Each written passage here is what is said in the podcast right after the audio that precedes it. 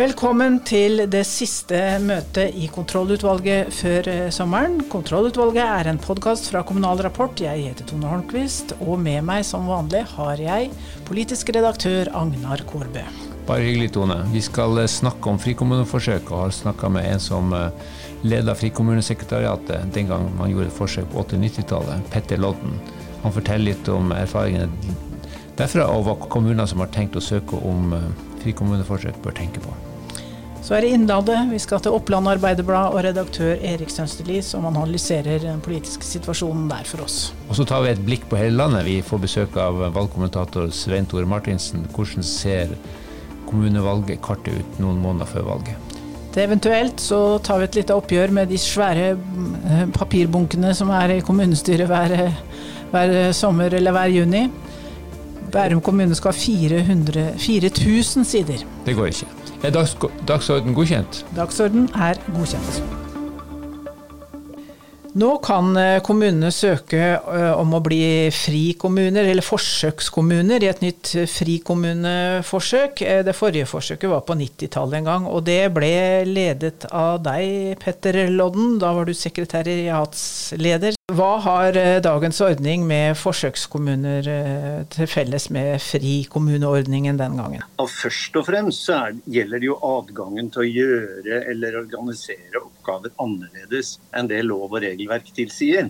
Altså Kommunene inviteres til å søke fristilling fra lov og regelverk som du mener hindrer dem i å løse oppgaven på bedre måter for brukere og lokalsamfunn. Det er jo fellestrekket primært. Og det andre er jo at regjeringen og Kommunaldepartementet nå inviterer kommunene til å søke om forsøksdeltakelse og nødvendig fristilling. Det gjorde de også på 80-tallet. Hvilke resultater og lærdommer ga frikommuneforsøket, vil du si? Saken er jo om du tenker på resultatet fra det enkelte forsøk eller fra lærdommer fra hele ordningen. Men et par eksempler på, på resultatet fra enkelte forsøk. Så var det jo f.eks. sånn at etter frikommuneforsøket så fikk vi en nasjonal reform hvor den lokale landbruksforvaltningen, som fram til da hadde vært statlig, ble kommunalisert i etterkant av frikommuneforsøkene. For det var flere vellykka forsøk med å kommunalisere landbruksforvaltningen. Det andre eksempelet jeg vil nevne, det er at eh, kommuneloven av 92 eh, fikk jo en betydelig større, Den ga kommunene betydelig større organisasjonsfrihet enn den eh, gamle. Med andre, ord, med andre ord, det belønner seg å sette i gang den type forsøk? Ja, altså du kan si at noen av forsøkene den gangen endte med nasjonal reform. Og da er jo alt fryd og gammen. Eh, og så var det jo ikke alle forsøk som, selv om de var vellykka som forsøk, som endte i nasjonal reform. Og det er selvfølgelig da litt tyngre å, å måtte gå tilbake til, til, det gamle, men det er liksom en del av, av pakka her. 80- og 90-tallet, det er jo må jo innrømme en god stund siden. Hva er forskjellene i de utfordringene som kommunene nå står overfor? Det er mange eh, paralleller òg. Altså jeg har jo bl.a. trukket fram dette med utenforskap, som kommuner på, frikommuner på slutten av, av 1980-tallet var opptatt av. Det tror jeg mange kommuner er opptatt av i dag òg. Men en, en, forskjell er jo at det, det er mange flere kommuner som snakker seriøst og, og, og tungt om, om, eldrebølgen i dag enn det var på slutten av 80-tallet. Miljø var et aktuelt tema på 80-tallet, men knapt med samme intensitet som man snakker om eh, klima- og naturkrisa i dag. Så det er klart at utfordringsbildet har noen fellestrekk og noen eh, forskjeller. Hva må til for å få til gode forsøk? Det første er jo at eh, kommunene har en eh, åpen og ærlig dialog med seg sjøl om hva eh, utfordringsbildet deres er. Og så må en jo finne ut om eh, hva slags grep kommunen trenger å sette i verk for å møte det utfordringsbildet. Og dersom de grepene kommunen tenker på da, krever fristilling fra lov og regelverk, da kan denne forsøksordningen være et veldig aktuelt eh, sted å starte. Kan staten bare slippe kommunene fri, litt som i Danmark? Så jeg har personlig eh, ikke så stor tro på sånn direkteimport eller, eh, eller blåkopi. Det var jo sånn at På 80-tallet så hadde både Sverige og Danmark eh, frikommuneforsøk. Men de, eh, både Sverige og Danmark og Norge, da, de tre landene, de fikk Frikommuneforsøkene utvikla seg i litt forskjellig retning. Så jeg har tenkt den, jeg tenkte den gangen, og tenker vel også nå på en måte at Eh, innafor dette veldig generelt formulerte konseptet frikommune, så må på en måte hvert land eh, finne sin vei basert på eh, politisk kultur og rettstradisjoner osv. Du har jo fulgt kommune, kommunene tett som, som sentral aktør i, hos Fylkesmannen og Statsforvalteren i Vestfold og nå Vestfold Telemark, selv om du strengt tatt tilhører eldrebølgen i hvert fall etterkrigsgenerasjonen, så gjør ja. du samfunnsnytte fortsatt. Men eh, da, så er mitt spørsmål, da, som du kjenner kommunene godt over lang tid. Må en kommune være frikommune eller forsøkskommune for å drive utviklingsarbeid? For å drive Overhodet ikke. Fordi, altså, og det tror jeg er et usedvanlig eh, viktig eh, poeng. Eh, fordi den, det, å, det kan som sagt være viktig hvis en trenger fristilling fra lov og regelverk for å adressere de utfordringene som en har tenkt at de gjelder vår kommune, og de må vi ta tak i. Og, og, det er klart at Da er det et poeng å søke frikommunestatus hvis du tenker at her er det noen bindinger og noen hindringer i lov og regelverk som eh, det ville antagelig hjelpe oss å få fristilling fra for å få tatt ordentlig tak i problemene. Da vil jeg mene at forsøksordningen er, eh, er, et godt sted å starte. Ellers så mener jeg nok generelt at eh, begrensningene kanskje oftest ligger i, eh, i egne hoder, og ikke nødvendigvis i lov og, og, og, regelverk. Så et radikalt utviklingsarbeid det kan med, med stor suksess gjennomføres også uten, uten, å delta i en sånn definert forsøksordning. Hva er dine beste råd til kommuner som nå lurer på om de skal sende inn en søknad til departementet? Det er noe som jeg egentlig var innom i det svaret jeg nettopp ga, nemlig å starte med den eh, åpne og ærlige dialogen med seg sjøl om hva utfordringsbildet egentlig er. Og den, i den dialogen må, det, må kommunen mobilisere bredt. Det må være mange som deltar i den dialogen. Hvis en da, når en kommer fram til at det er noen eh, utfordringer som en gjerne vil ta tak i, og eh, mobiliserer og har dialog om hva slags grep som kan møte de utfordringene, hvis en da nærmer seg områder hvor en ser at det er regelverkshindringer, eller en skulle ønske at funksjonsfordelingen, ansvarsfordelingen mellom forvaltningsnivåene var annerledes osv., så, så så kan det å søke deltakelse i forsøksordningen være et veldig godt grep. Og så tenker jeg det er en ting For den forrige runden som jeg da eh, var med i, der hadde vi ikke noe særlig eh, forsøk med hvor det var interkommunalt samarbeid. Det var flere kommuner som holdt på med noenlunde samme tema, men de gjorde det på en måte hver for seg. Kommunene bør tenke gjennom om de ideene de måtte ha, om det er noe de kan vinne på å gjøre det i lag med andre, eller om de bør gjøre det hver for seg. Det andre er jo at eh, forsøksloven gjelder jo eh, offentlig forvaltning generelt. Det betyr at eh, en kan også tenke seg at kommuner kan søke om forsøk sammen med en statlig virksomhet f.eks. Hvis, eh, hvis, hvis det trengs. Altså type kontakt mellom kommunen og, og et helseforetak f.eks. Men du, Petter Lodden, takk for en gjennomgang av gamle frikommuneforsøk og noen tips til de kommunene som skal søke.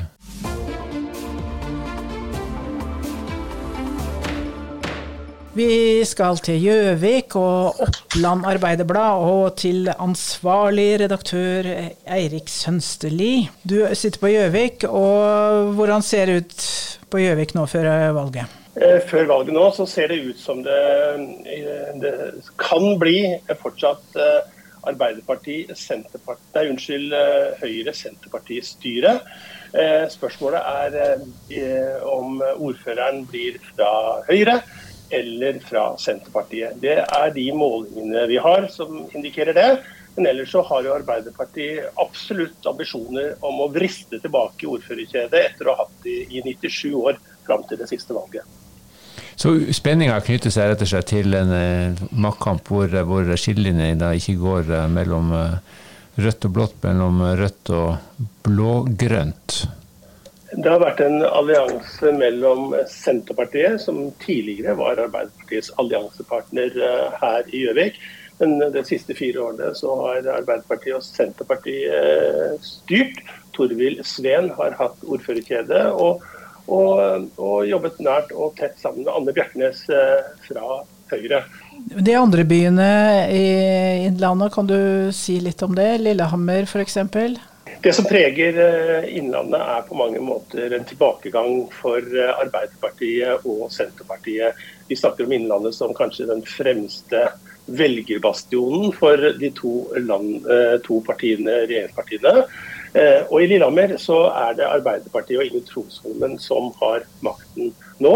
Hvis vi legger de meningsmålingene som har vært til grunn tidligere, så skal hun og, og ja, hun bevarer makten.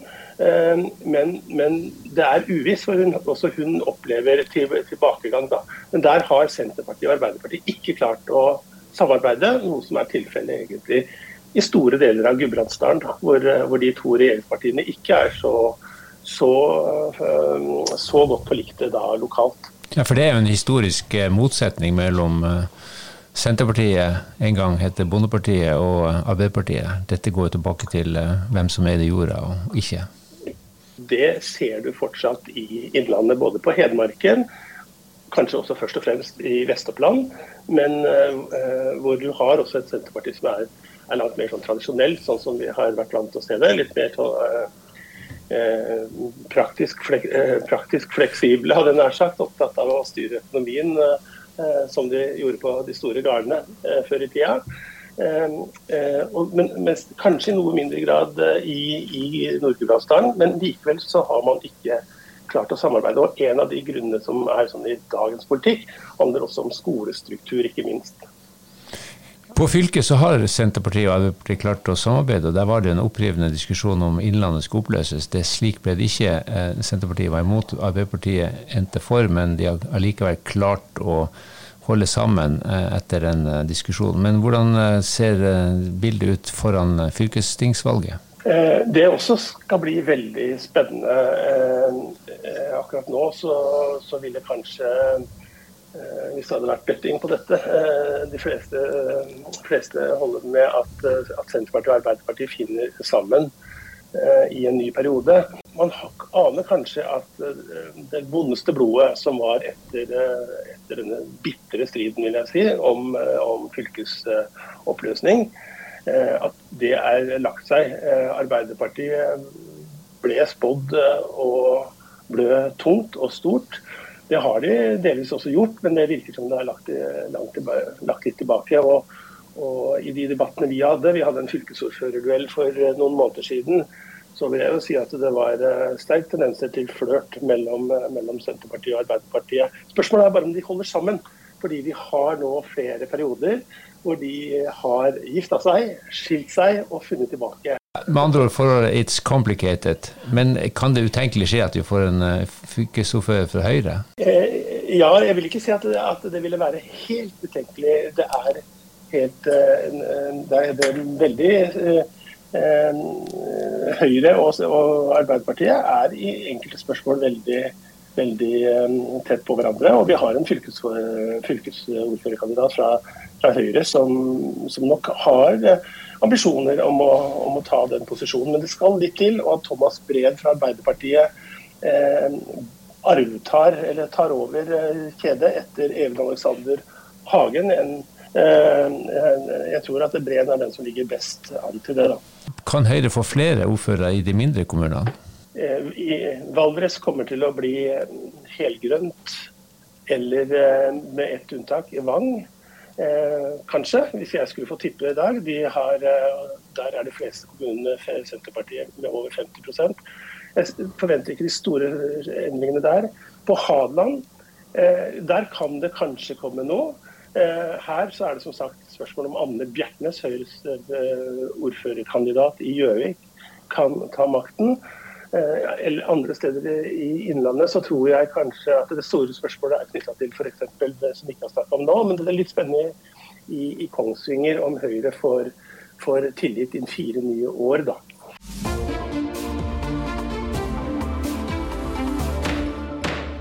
Velkommen tilbake i kontrollutvalget, Svein Tore Martinsen. Takk for det. Du var her i februar. Da snakka vi om eh, valgåret som lå foran oss. Og da var din prediksjon at eh, regjeringspartiene sleit.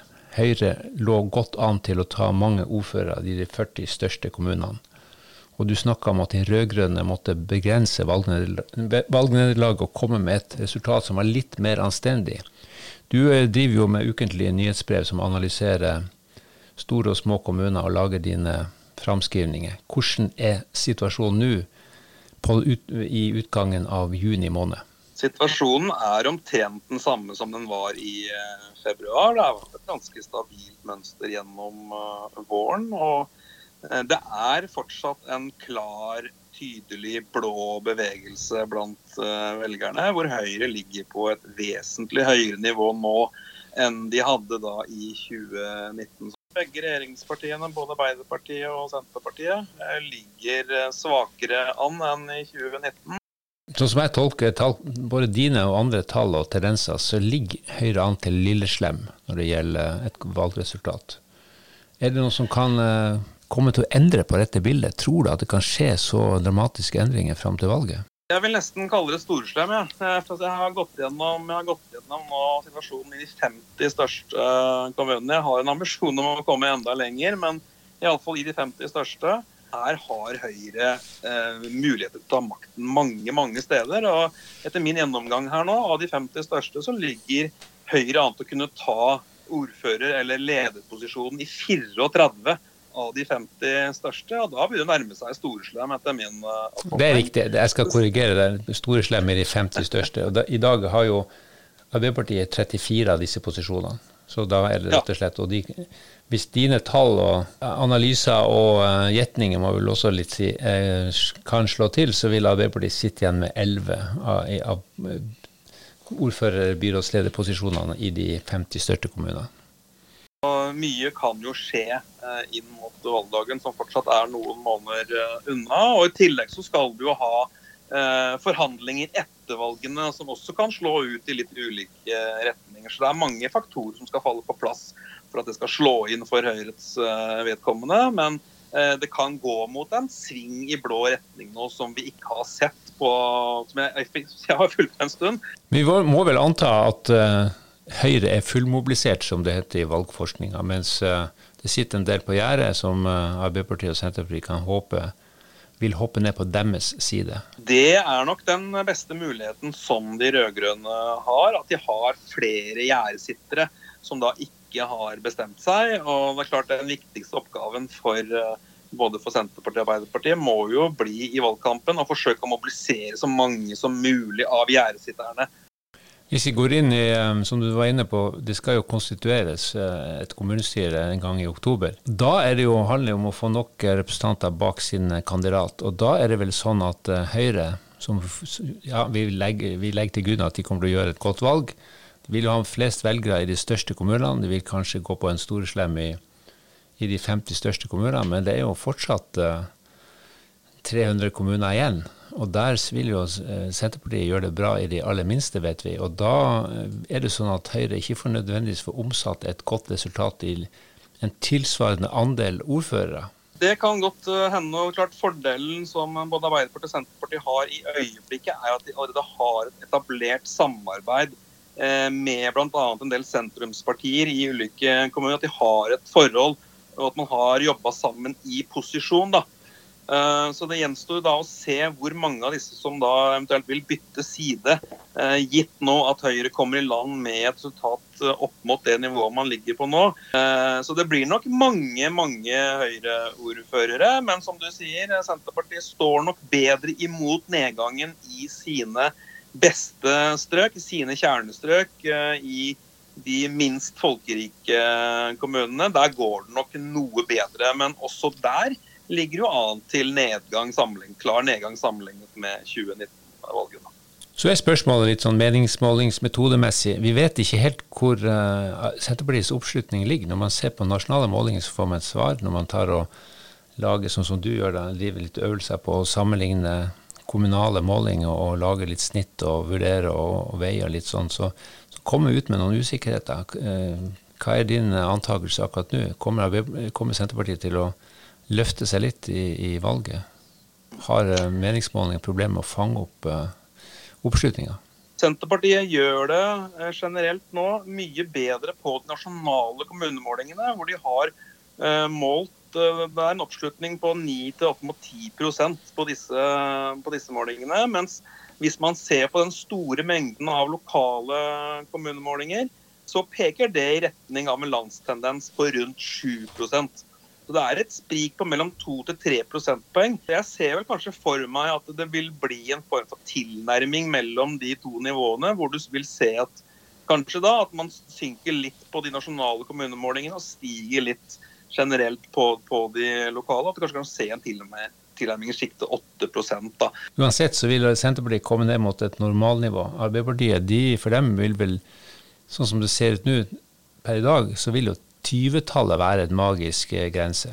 Det er faktisk der som eh, det ligger for Arbeiderpartiet nå. De gjorde jo et, egentlig et veldig dårlig valg også i 2019. Eh, men de ble jo redda på mange måter av samarbeidspartiene, gjorde det veldig godt, slik at de fikk makt mange steder. Arbeiderpartiet fikk 24,8 ved valget i 2019. Får de det i dag, så kommer jubelen til å stå i taket i Folkets hus. Det kan jeg love dere. Er, hvordan er samspillet mellom nasjonale tendenser og lokale saker? Vi vet jo fra valgundersøkelsen fra lokalvalget sist at lokale saker er det viktigste. Men så er det åpenbart at den nasjonale tendenser, nasjonale valgvinner, gjør seg også gjeldende over hele landet, som du også peker på når du driver dine ukentlige analyser. Eh, er det sånn at eh, de nasjonale tendensene med et bakteppe av økonomisk usikkerhet og krig og alskens elendighet vil kunne overskygge lokale saker i større grad enn det har gjort tidligere i dette valget? Det er nok eh, tendenser til det. Eh, og jeg har jo fått et byrå som heter Sentio til å spørre velgerne for meg nettopp hva er den viktigste saken eh, ved årets eh, valg. Eh, og per nå så er det helt klart økonomi som peker seg ut som Eh, vesentlig viktigere nå enn det var for fire år siden.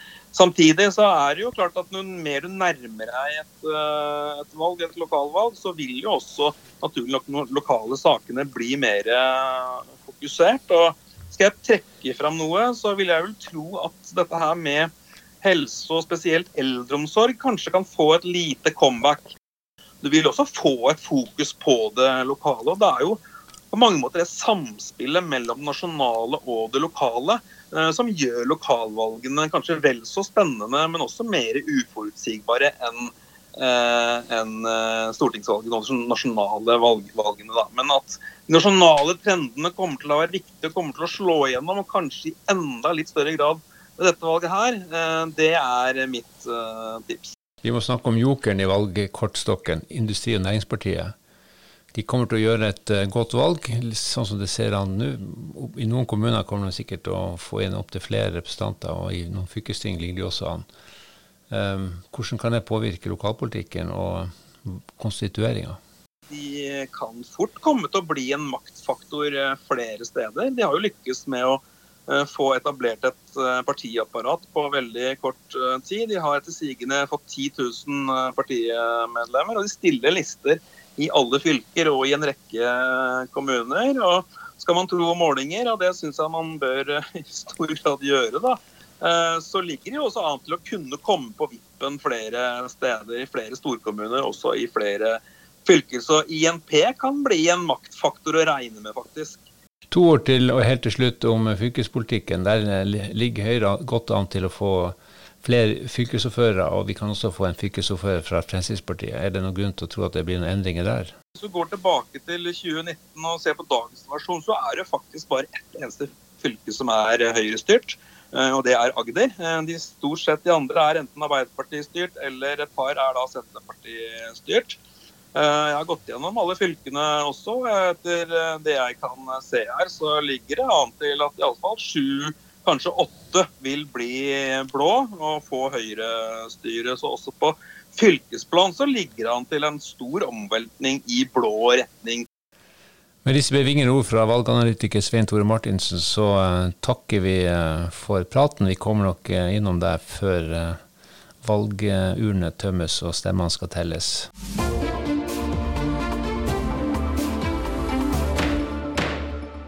Da har vi kommet til eh, eventuelt. Jeg kom over en sak i Budstikka, lokalavisa for Asker og Bærum. Der står det om eh, lokalpolitikere som må lese 4000 sider til eh, formannskapsmøtet, som var nå i juni. Jeg gjentar 4000 sider, 27 saker. Det er eh, professor, vår gamle venn Bernt Årdal, valgforsker, som mener dette er et demokratisk problem. Jeg må si meg enig. Er du enig, Tone? Du har jo vært på utallige kommunestyremøter, skrevet anmeldelser i Kommunal Rapport opp gjennom årene. og kommet deg gjennom eh, bunker med eh, kommunale dokumenter. 4000 sider. Er det vanlig? Jeg, leser, altså hvis jeg skulle liksom dekke det møtet Jeg hadde nok ikke lest alle 4000 sidene. Eh, men det må jo partigruppene til sammen i hvert fall prøve å få til, da. Men nå er han som går ut her i Bustika, Stein Stuggu, han er jo enmannsgruppe. Det, det er mye på én person, så da må Men jeg regner med at de er kollektivt innstilt i Rødt, da, så da må liksom hele gruppa trå til. Ja, han er alene i gruppa, så han må få hjelp. Ja, men, men spørsmålet mitt var er dette vanlig? Det, det hoper seg gjerne opp uh, før sommeren og før jul. Og da blir det noen sånne kjempemøter, i hvert fall i de større kommunene. Det kan vi forstå, og det, det er jo det som uh, lokalpolitikere som uh, drevne lokalpolitikere vet, og ferske lokalpolitikere smertelig får erfare, det er at kommunestyret behandler veldig mange saker. Nå har jo jeg en uh, mørk fortid som uh, klarspråkaktivist. Uh, holdt masse kurs rundt omkring og, og snakka mye om språk.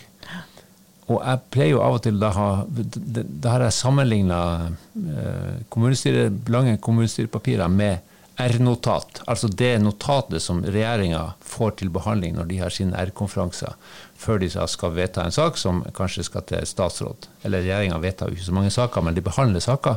Så skal de vedtas i statsråd eller i, for så vidt i departementet. De notatene, vet du hvor lange de er? Ja, De er vel en tre-fire sider, da. De er to sider. Unntaksvis så er de på tre sider. Og hvis de viktigste sakene for regjeringa kan være på to sider, så bør de fleste sakene også et kommunestyre være på to sider. Og så vil noen innvende ja, men her er reguleringsplaner, her er det, ja, det er konsekvensutredninger, for, ja. og det er jo det som i tilfellet i Bærum. Masse greier om det som skjer på Fornebu. Ja, det er mulig å ha tillegg, og mye av disse tusenvis av sidene her er jo tillegg. Men her må det være mulig å presentere en sak, de viktigste tingene på forholdsvis kort eh, eh, begrensa plass, og så legge ved vedlegg. Og så må de som skriver sakene, og de som bestemmer hvordan sakene skal skrives, siste instans politikerne, de må disiplinere seg i mye større grad. Få det ned, få det kort, få det effektivt, få det ikke minst med klart språk, slik at det er mulig for folkevalgte, som er folk flest, å komme seg gjennom papirene og fatte gode beslutninger. Med dette her, denne klare oppfordringa, så um, takker um, kontrollutvalget for seg for denne vårsesongen. Vi er jo, kommer jo sterkt tilbake i begynnelsen av august. Da er det den intense valgkampen. Det gleder vi oss veldig til. Det gjør vi. I studio denne sendinga var som vanlig Tone Holmquist og Agnar Korbe. Ansvarlig redaktør er Britt Sofie Hesvik. Og for all del, ikke glem våre nyhetsbrev på gjenhør. God sommer.